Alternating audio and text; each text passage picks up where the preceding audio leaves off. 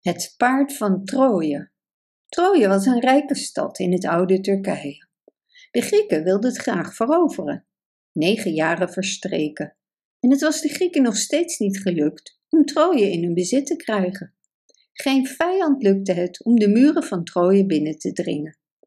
Er stierven grote helden tijdens deze Trojaanse oorlog. En het was Odysseus die een sluw plan bedacht om daarmee de stad van Troje te veroveren. De schepen van de Grieken werden naar de zee teruggefloten. Het zag er naar uit dat de Grieken eindelijk, na tien jaar oorlog, hun verlies namen en weer naar huis terug zouden keren. Maar dat was onderdeel van het plan.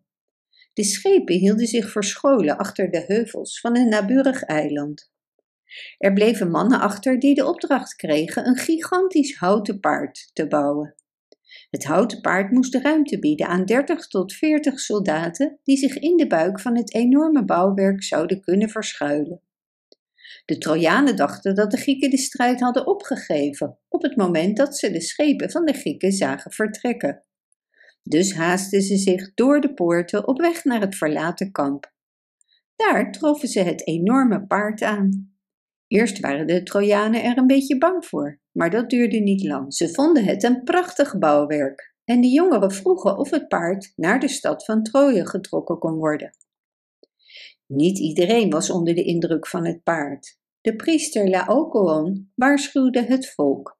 Het kan een list zijn van de Grieken. Waarom zouden zij ons in hemelsnaam een geschenk willen geven?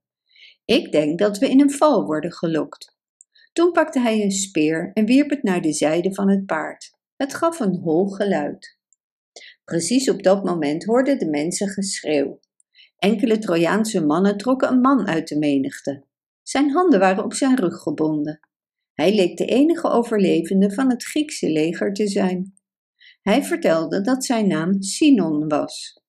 Zijn legerleider had hem met zijn handen aan zijn rug gebonden om hem vervolgens te offeren aan de goden.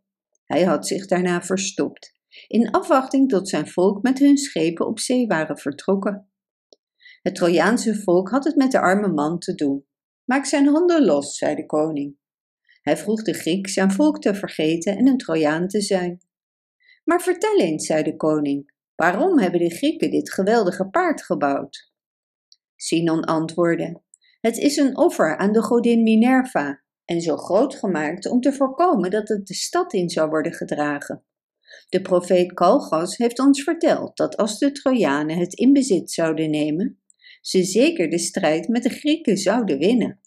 Het zou de Trojanen onoverwinnelijk maken.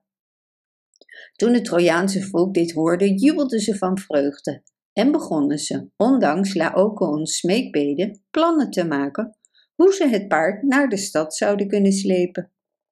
Plotseling verschenen twee immense slangen uit de branding van het strand dat langs het verlaten kamp lag. De slangen kronkelden zich om de arme Laocoon en verslonden hem in enkele seconden. Dat is een voorteken, riepen de mensen. De priester Laocoon wordt voor onze ogen door de godin Minerva gestraft voor zijn daden. Want hij wierp zijn speer tegen dit heilige bouwwerk en nu is hij dood. Het Trojaanse volk begon meteen een grote opening in de stadsmuur te maken. Het paard werd met groene takken en bloemen versierd en over de vlakte de stad ingetrokken. Er werd gefeest die dag. De Trojanen voelden zich veilig en onoverwinnelijk. Ze lieten de grote poorten onbewaakt open en Sinon deed, toen niemand keek, de verbogen deur van het grote paard open. Voorzichtig kropen Odysseus en de Griekse soldaten naar buiten. Ze openden de poorten van de stad en gaven het signaal aan hun leger. Zwijgend kwamen de schepen aan en gingen voor anker. En die nacht werd de stad Troje overmeesterd door de Grieken. De koning werd gedood, huizen werden geplunderd en vervolgens staken de Grieken de stad in brand tot er niets meer van overbleef. Sinon had met zijn verhaal van lijden en valse tranen de harten van de Trojanen geraakt en met een sluw plan bereikt, wat met duizend schepen en tien jaar oorlogvoering niet was gelukt. Bedankt voor het luisteren. Wist je dat je dit verhaal ook op onze website ririro.com/nl kunt lezen, downloaden en printen?